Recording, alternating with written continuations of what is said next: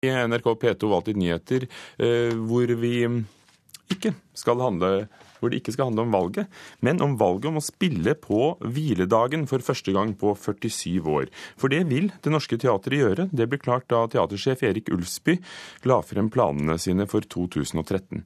Han tror flere av de andre offentlig støttede teatrene vil ønske å gjøre det samme, men noen av skuespillerne er skeptiske, som Bernhard Ramstad. Her er eh, manuset første del, 'Ørkenvandringer'. Um, og her er annen del 'Jesus fra Nasaret'. Men dette ville være et perfekt stykke å ta på søndager, da? ja, kanskje det. I gudstjenestetiden. Ja. Jeg tror etter å ha spilt seks timer på lørdag, så vi setter veldig stor pris på å ha fri den søndagen. Bibelen som teater kunne kanskje passe godt på søndager, men skuespiller Bernhard Ramstad på Det Norske Teatret er skeptisk til teatersjefens mål om å ha et søndagsåpent teater. Nei, jeg hyler ikke av begeistring med tanken på å miste den ene fridagen jeg har hatt i så mange år. Den har vært god å ha. Eh, og jeg har ikke eh, heller oppfanget noe særlig entusiasme hos mine kolleger i, i så måte. I går annonserte teatersjef Erik Ulsby ved Det Norske Teatret at han ønsker et teater der publikum kan komme og se forestillinger også på søndager. Vi kommer i løpet av 2013 til å ha et tilbud på søndager, men det vil begynne i det små. Men, men vi er nødt til å sette i gang den prosessen, og det tar vi initiativ til.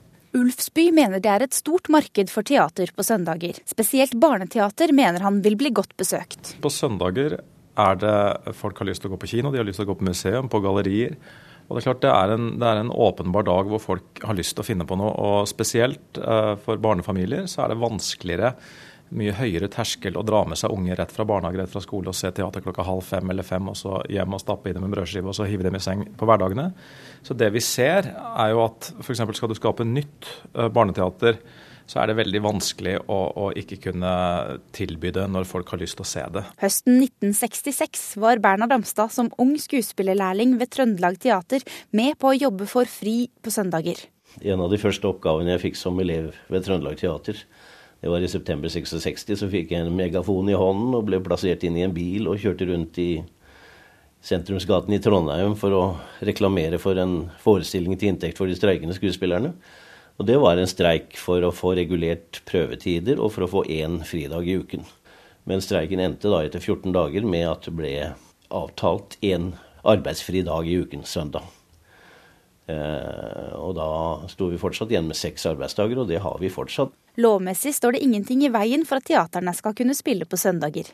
Det de derimot er underlagt, er 36 timers sammenhengende pause i uka.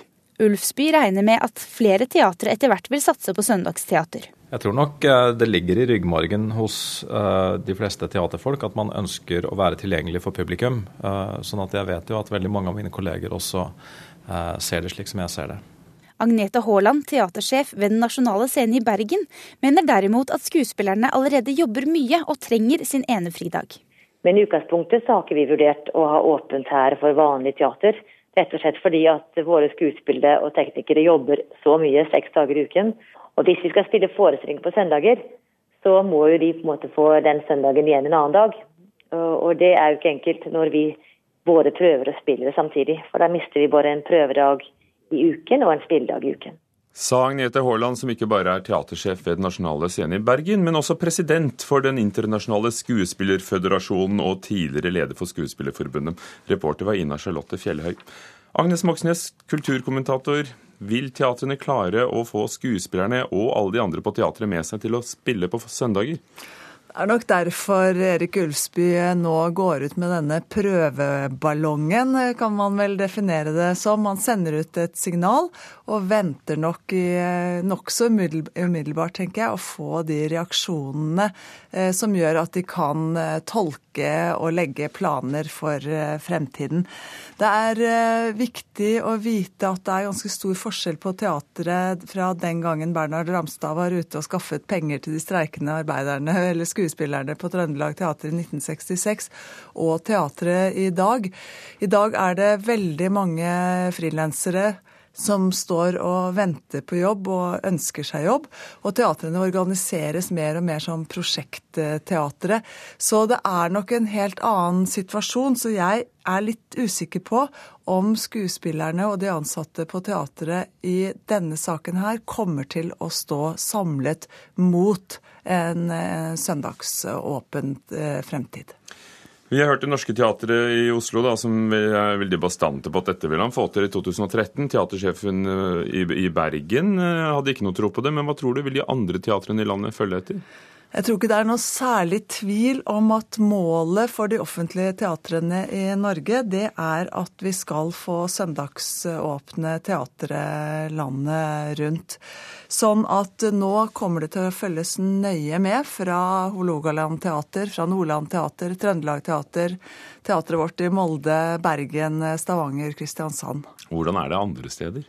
Andre land? Altså Hvis du ser på spilleplanen da, på Dramaten i Stockholm, så på søndag ettermiddag klokken 15.00 så spiller de Det gode mennesket fra Tetsuan og et stykke som heter Satans Strindberg klokken 16. Det Kongelige Teater i København.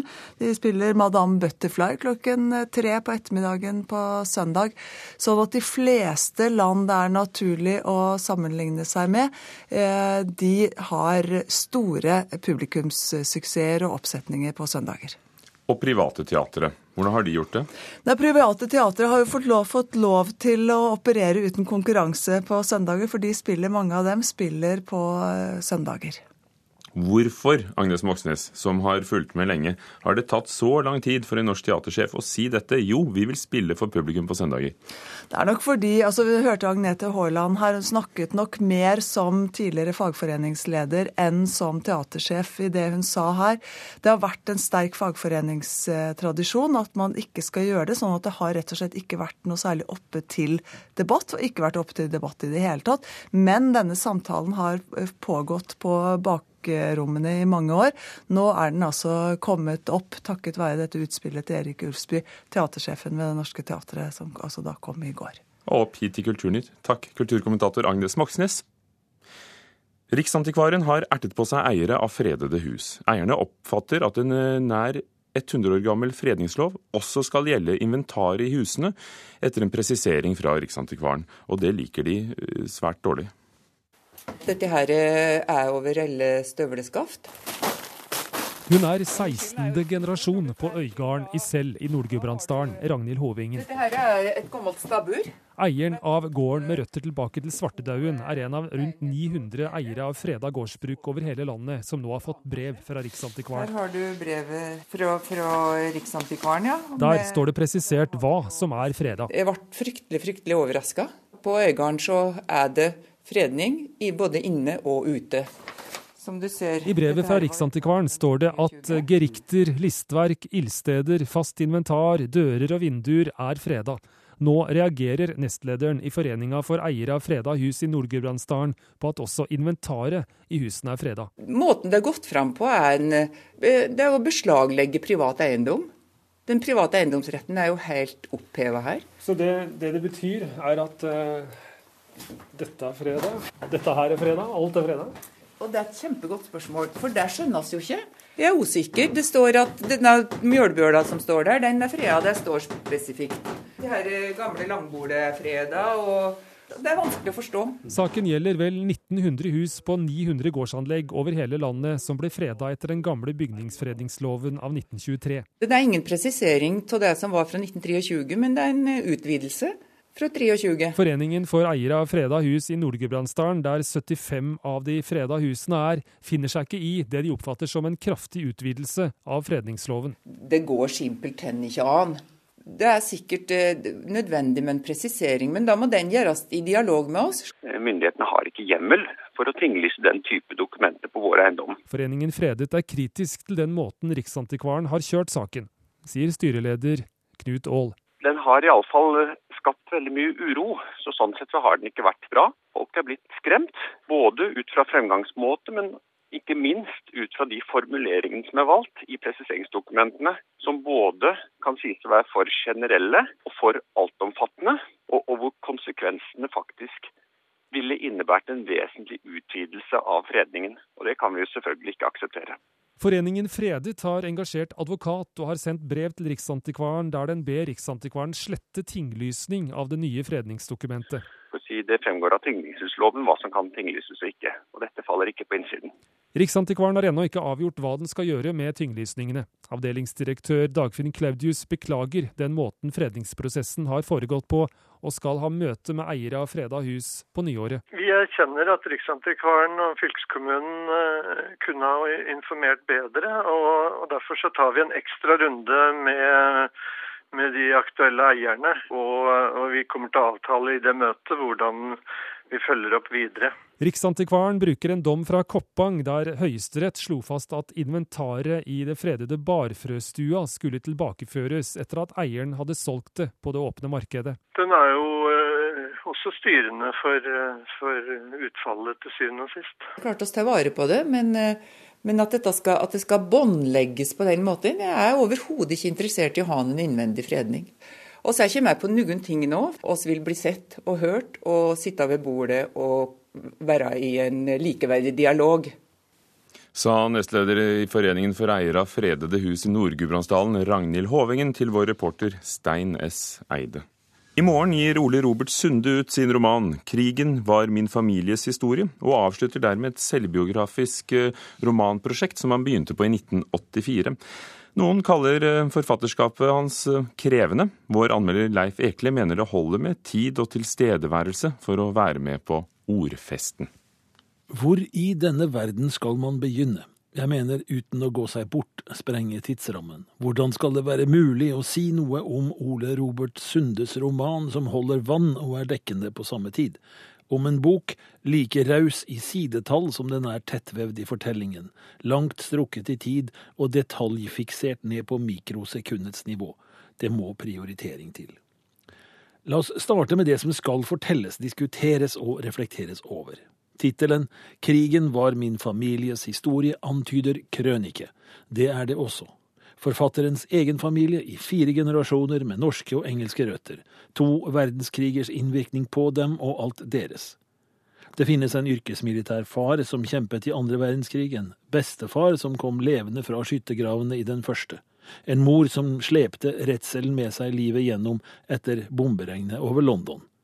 Så finnes den voksne sønnen, Forfatteren selv, som i sin ungdom er så uendelig trøtt av krigens plass i livet at han bryter ut, gjør pasifist og militærnekter av seg, blir sin fars uvenn.